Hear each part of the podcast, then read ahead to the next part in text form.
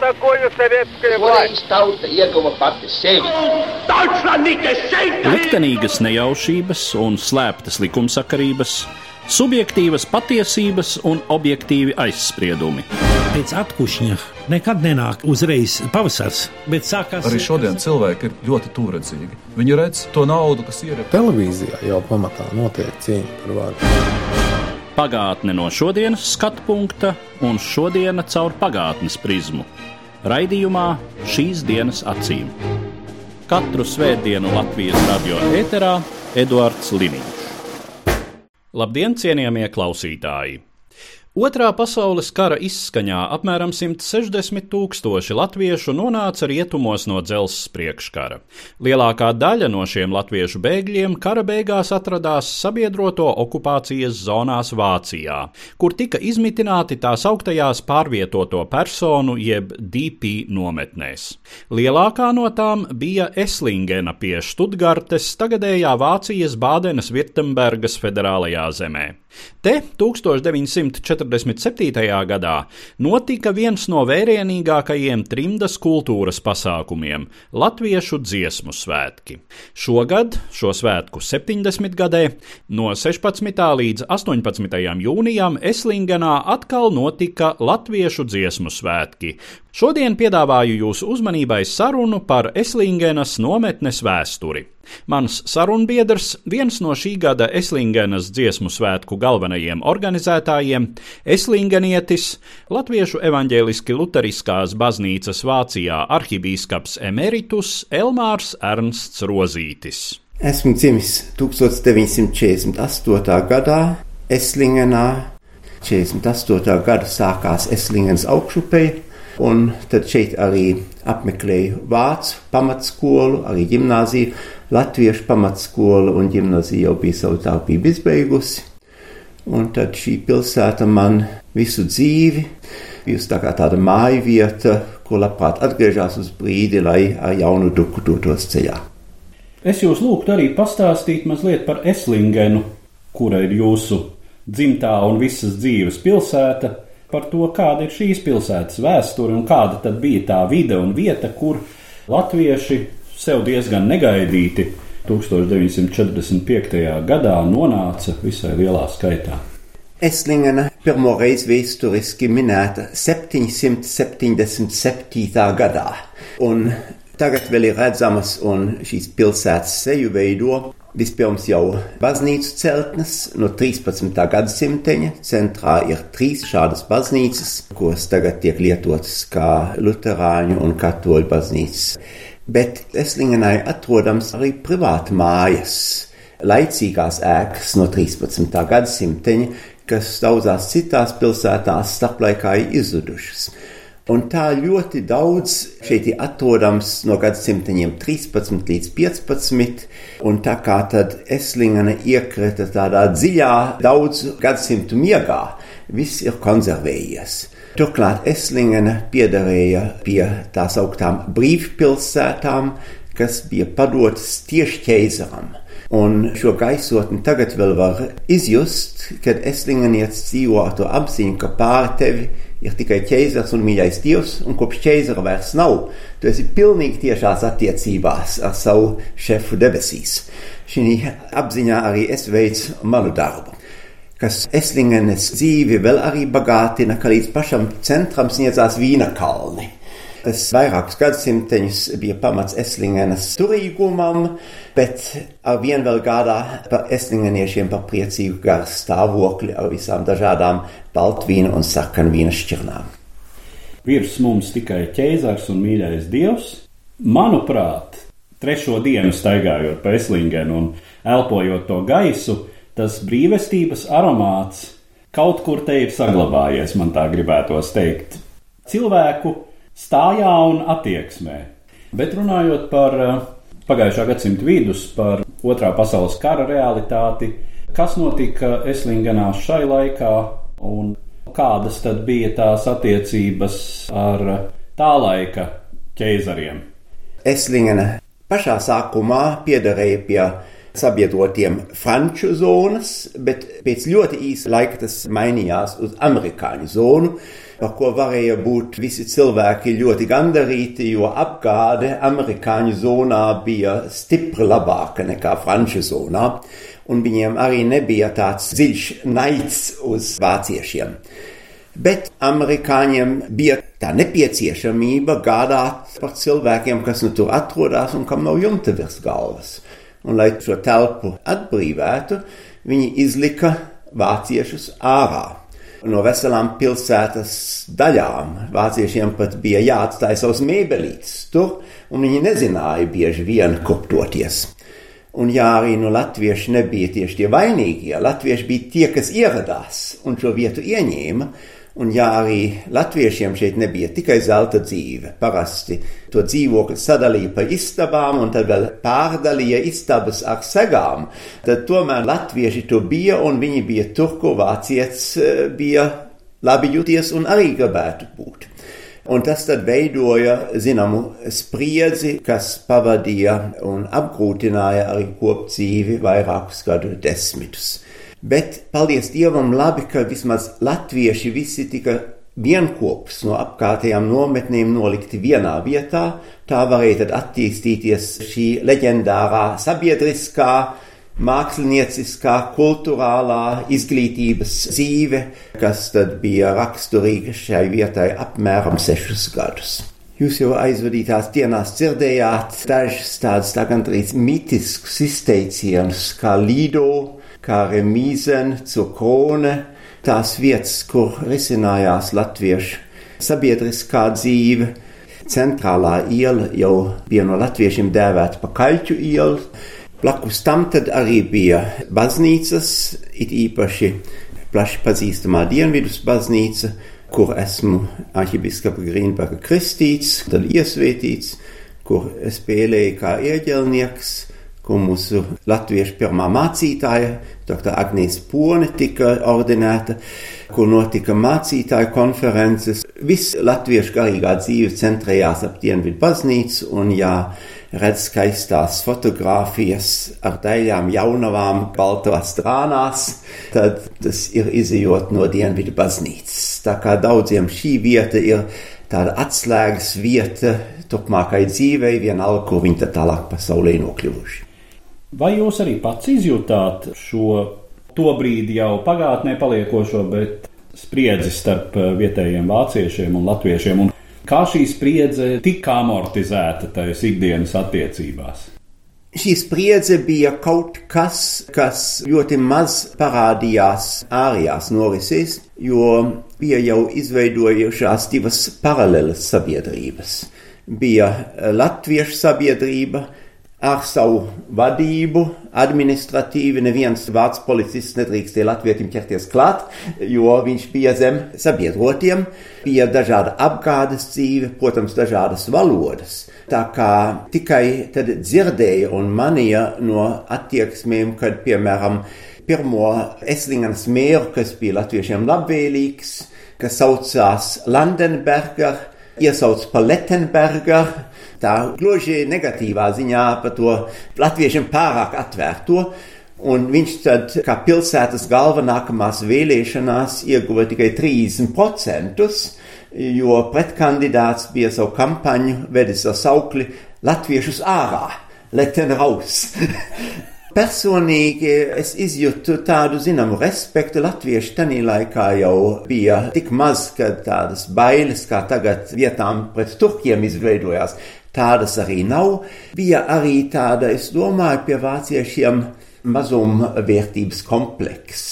Jo latvieši, kas ieradušies šeit, jau neviens nebija normāli cilvēki. Visi bija ģenerāļi vai ministri bijuši Un eh, vācieši jau tad sāka domāt, vai jums tādi parasti ierindas zaldāti armijā vispār eksistēja. Un viņiem satragāja viņu pašapziņu. Jo ir jau viena lieta tāda nabaga bēglīti apgādāt un glaudīt un apžēlot, un ir cits, ja tas bēglīts atnāk un saka, nu, mēs nākam no lielpilsētas Rīgas, un mēs jums šeit atnesam kultūru.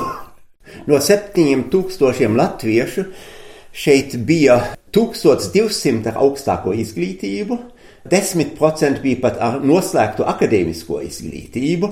Šeit atradās, piemēram, mazā Eslingenā 150 skolotāji, 48 tiesneši. Tā kā milzīgs garīgs potenciāls, un te vēl visi mākslinieki šeit eh, veidojās balets skola ar 150 audzekņiem, un muzikas skola to apmeklēja kādi 200 un 250 bērnu. Tā kā potenciāls šeit, kas tad arī veidoja teātra izrādes, kamermūzikas eh, sniegumus un visu kultūrālo plašo bagātību, tas bija apbrīnojams.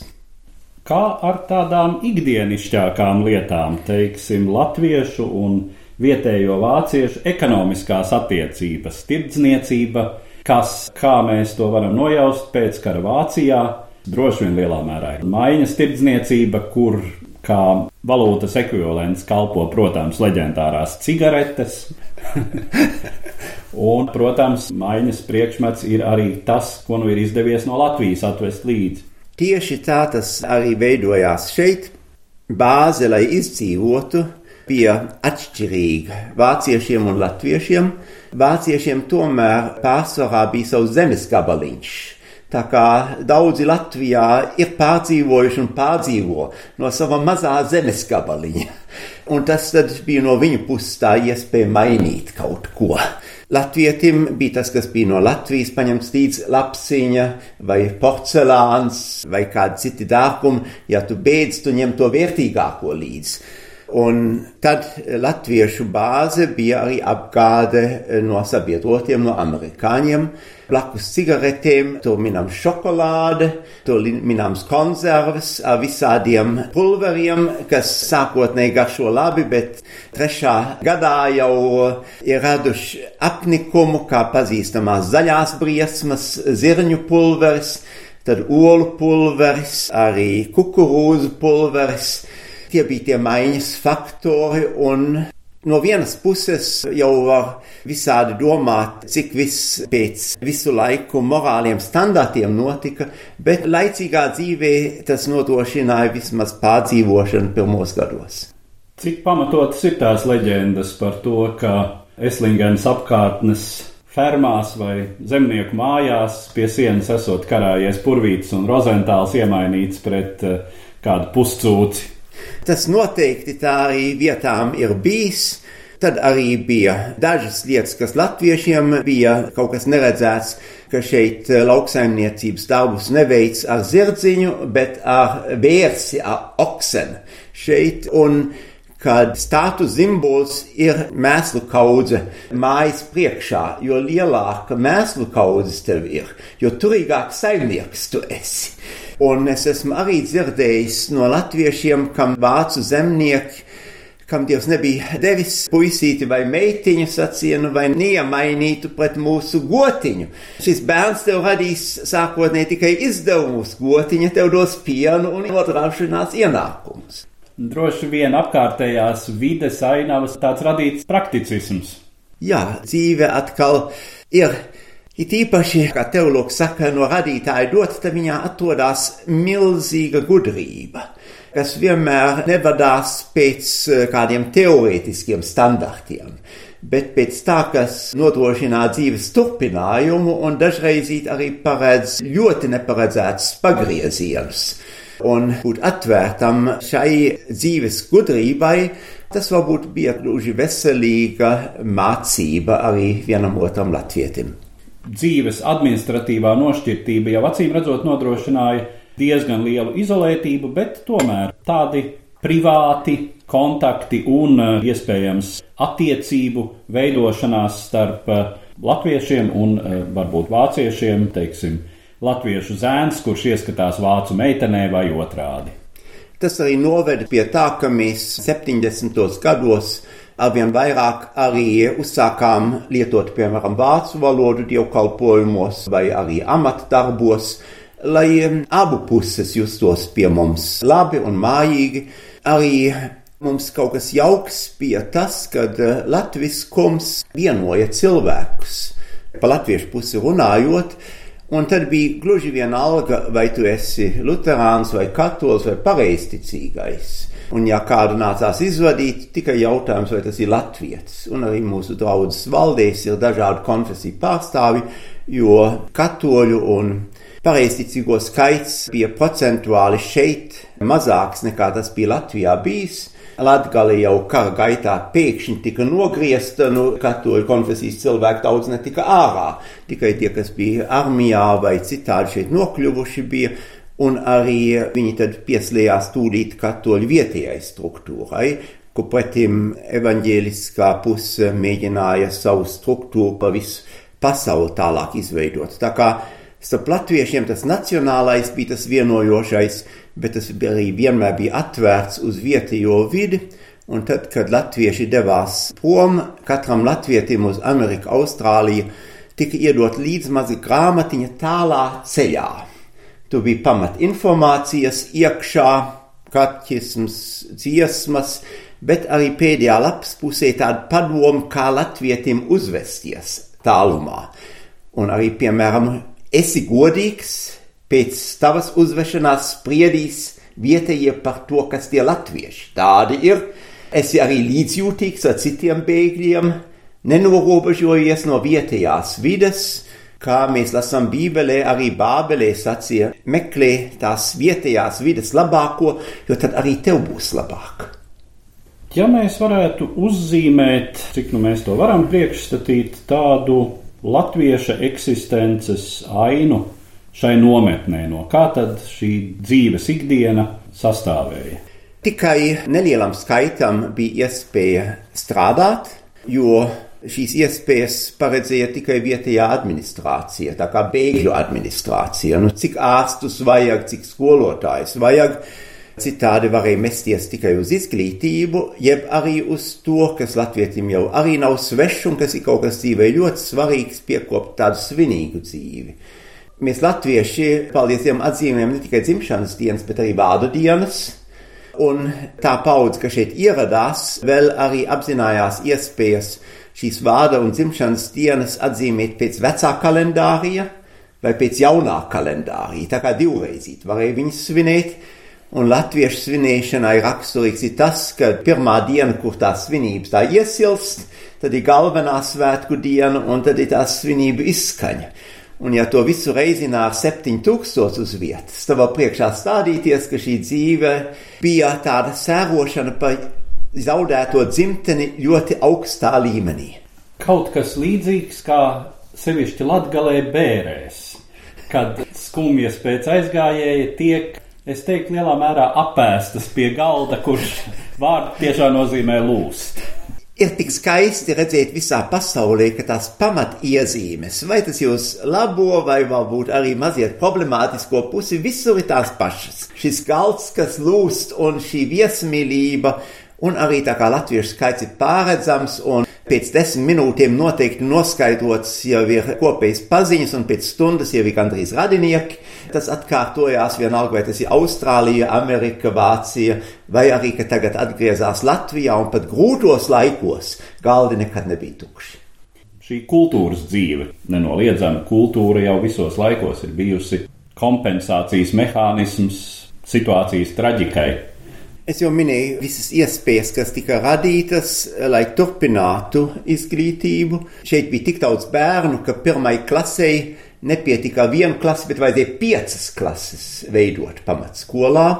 Un latviešu skolotāji pielika visas pūles, lai arī laistu tālākā pasaules gaitā cilvēkus ne ar pārtrauktu izglītību, bet ar tik kvalitatīvu izglītību, kā to godam varēja pastāvēt Amerikā vai Austrālijā. Veidojās tad pat Amerikā, Austrālijā, tā kā dažas latviešu mafijas, piemēram, pie Boeinga, Sietlā, bija vesela rinda latviešu inženieri, Mana vecā tēva brālis, Rudolfs Matīs, Vitas Matīs tēvs, gan nebūdams inženieris, bet arī strādāja pie Boeinga Sietlā visu trimdā pavadīto mūžu. Brīnišķīgi. Un šeit tad eh, vienu, kas eh, mūs vieno, kā latviešu vietiem vāciešiem, ka Vācijā jau arī it īpaši dažās nozarēs ir ļoti kvalitatīva izglītība. Un tā, piemēram, tehniskā laukā Štutgarts tehniskā augstskola ir pasaules ranga augstskola, un tā patiesi deva līdz tādu izglītību, kas bija konkurentspējīga, es varētu sacīt. Tāpat arī šeit bija muzikas augstskola vāciešiem, pedagoģiskā augstskola, un tā varēja būt tāda laba sacenšanās, un jāsaka arī, ka daži latvieši vai arī no Baltijas vāciešu puses šeit palīdzēja veidot vācu vietējās izglītības sistēmu atjaunošanu. Piemēram, tāds profesors von Zīvers Štutgartē pa jaunu izveidoja tautsaimniecības fakultāti. Un tā kā pēc baigā gada attiecības starp Baltijas vāciešiem un latviešiem bija tomēr stipri tuvinājušās, jo bija kaut kas piedzīvots, kas bija tik daudz šausmīgāks nekā visas mazliet ēnainās atmiņas, tad mēs visus pēckara gadus esam jutušies tā kā sabiedrotie. Un, protams, vienam otram Baltijas vācietim, it īpaši tie, kas nāca no laukiem, bija arī tāda sulīga latviešu valoda, un viņi gribēja to praktizēt.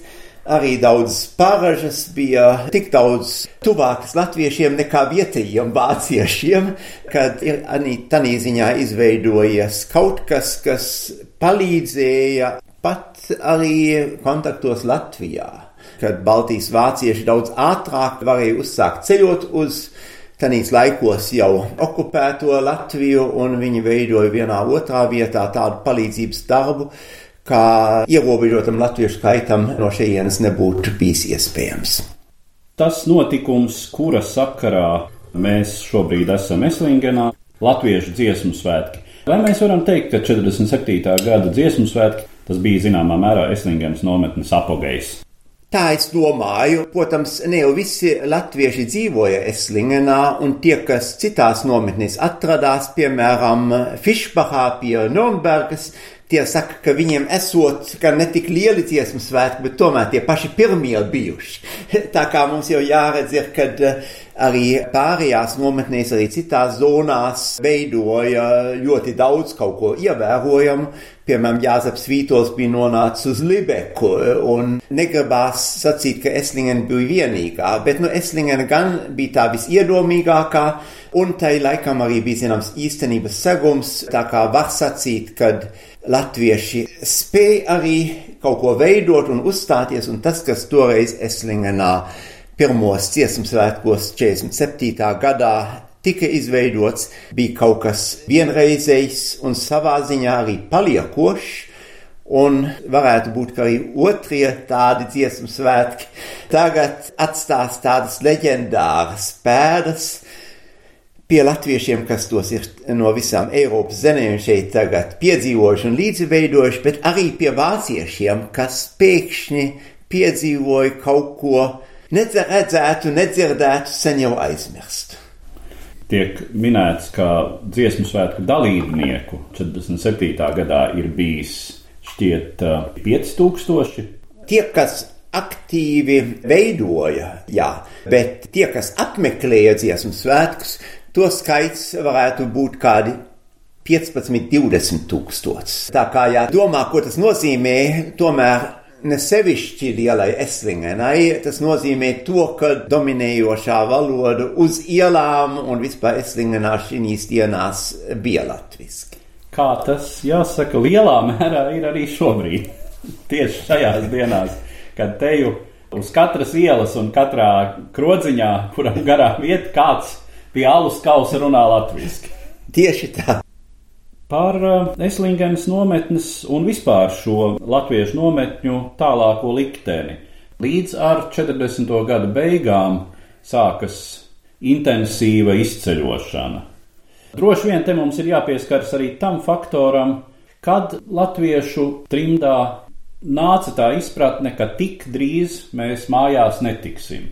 Šī izpratne auga 40. gadu beigās, un viņa saistījās ar vilšanos pa solījumiem nākamgad mēs būsim atkal Ziemassvētkos Latvijā. Cik reizes cilvēks to tic? Viņš notic vienreiz, divreiz, trīsreiz, ar laiku sāk šaubīties. Un tad arī latvieši konstatēja, ka rietumiem gan radās atziņa, kas ir tie pa spēkiem, kas Latviju okupējuši. Bet uh, tas nebija saistīts ar to, ka viņi aktīvi un nopietni atbalstītu pretestību kustību Latvijā.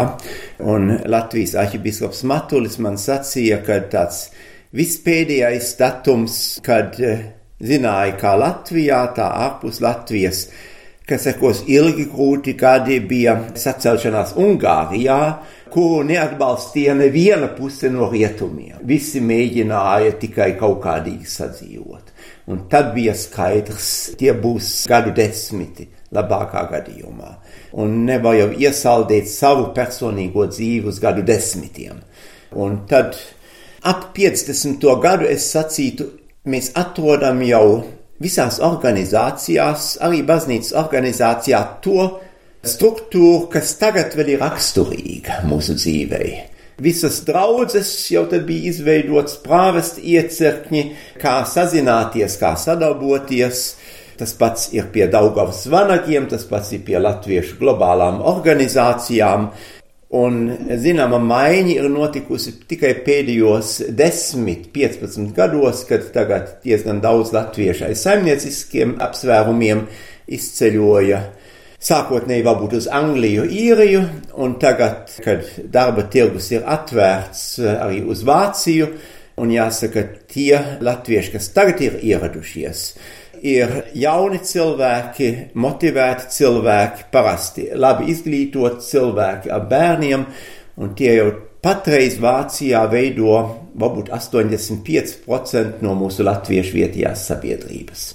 Tā ir šī maiņa notikusi, un mēs esam priecīgi, ka visos līmeņos šī maiņa tādā ļoti dabīgā veidā ir ieviesusies, un tas mums atgādina to, ka vismaz pie latviešu draugiem, var sacīt, mūsu vecākās draudzes jau svin 120 gadu pastāvēšanu. Tas nozīmē, ka vairāki viļņi ir bijuši, un ir bijuši svarīgi, ka vieni daži cilvēki un daži struktūras, kas palīdzējušas sadarboties Un katrs jaunais vilnis var dot savu pienesumu, un arī tie cilvēki, kas uz šo vilni ieradušies, var būt pateicīgi par šo aizmuguri, ko var sniegt vietējās struktūras. Latvijā tas ir joprojām diezgan izplatīts motīvs par, es teiktu, Latvijai zudušajām ciltīm kuras nu aiziet no dzimtenes, un uh, šie desmit tūkstoši, kas ir izceļojuši pēdējos gados, ir tendence uz viņiem raudzīties kā uz Latvijai zudušiem. Un mūsu centiens ir mēģināt panākt, lai tas tā nebūtu. Jo nav jau seno laiku komunikācijas un transporta iespējas, kas nozīmē, ka tie, kas senos laikos ar kuģi aizbrauc uz Ameriku, Austrāliju, domāja, ka viņi nekad Latviju vairs neredzēs. Tagad viņi ierodās katru gadu atkal. Un, ja mēs raugamies uz Vāciju, nebūtu nav objektīva vajadzība, ka viens latviečs, kas Vācijā dzīvo, būtu Latvijai zudis. Labāk, ka viņš šeit kaut ko labu dara sev un arī Latvijai, nekā ka viņš sēdētu Latvijā un sērotu un neko nedarītu. Mans tēvs no Puikulas pagasta arī sacīja, ka viņam dodoties uz Rīgu pagāja četras stundas, no Vācijas lidojums uz Latviju ir divas pusstundas. Tā kā reāli tas pastāv, ir telefons, ir Skype, ir internets. Tā kā ja mēs vien spētu uzturēt šo motivāciju, šo cilvēka gribu, tad tas varētu būt kā tāds labvēlīgs atstatums, kas tuvību drīzāk veicināja, it īpaši latvietim, kam šī viensētnieka daba ir jau asinīs, un ja kaimiņš nāk tuvāk kā 100 vai 200 metru, viņš jau, ko tu man uzbāzies. Nu, mēs šeit esam tādā labvēlīgā, dažu kilometru atstatumā vai dažu simts kilometru atstatumā, bet tas nav nebūtu nepārvarams, un tas var tieši palīdzēt apvienoties, apzināties to tuvību, un man jāsaka, ka tieši ārpus Latvijas ļoti daudz cilvēku apliecinājuši, ka viņi ir atskārtuši latvietības nozīmi un vērtību. Viens, kas tev mājās tiek dots pavelti un kas ir pats par sevi saprotams, to tu dažreiz nenovērtē tādā veidā, kā tu to novērtē, ka pēkšņi tas tev nav un tev pie tā jāpiestrādā. Esot šeit Eslingenā un mēģinot tagad koncentrēt jau kaut kādu izjūtu un izpratni par to, ko es šeit esmu piedzīvojis, tas, ka tie 20. gadsimta jēdzieni tie ir palikuši 20. gadsimtā, un runāt par kaut kādu trimdu šodien pasarg Dievs. Bet eh, ka mēs varam runāt par paplašināto Latviju. Tāda ir tā Jā. mana izjūta šeit, šobrīd, Eslingenā. Tā tas ir, un lai mēs to apzinātos un tālāk veidot, man avieni bijis svarīgi, ka latvietis apzinās, ka viņam ir savs neatvietojamais, mīļais zemes stūrīts, bet pāri pa to plašās debesis. Es domāju, ar to mēs arī noslēgsim mūsu sarunu. Paldies! Paldies. Šī bija saruna ar Latviešu evaņģēliski luteriskās baznīcas Vācijā arhibīskapu emeritus Elmāru Ernstu Rozīti, tapusi Eslingenā šā gada 17. jūnijā, Eslingenas latviešu dziesmu svētku laikā. Uzredzēšanos cienījamie klausītāji! Katru svētdienu Latvijas radio viens par pagātni sarunājas Eduards Liniņš.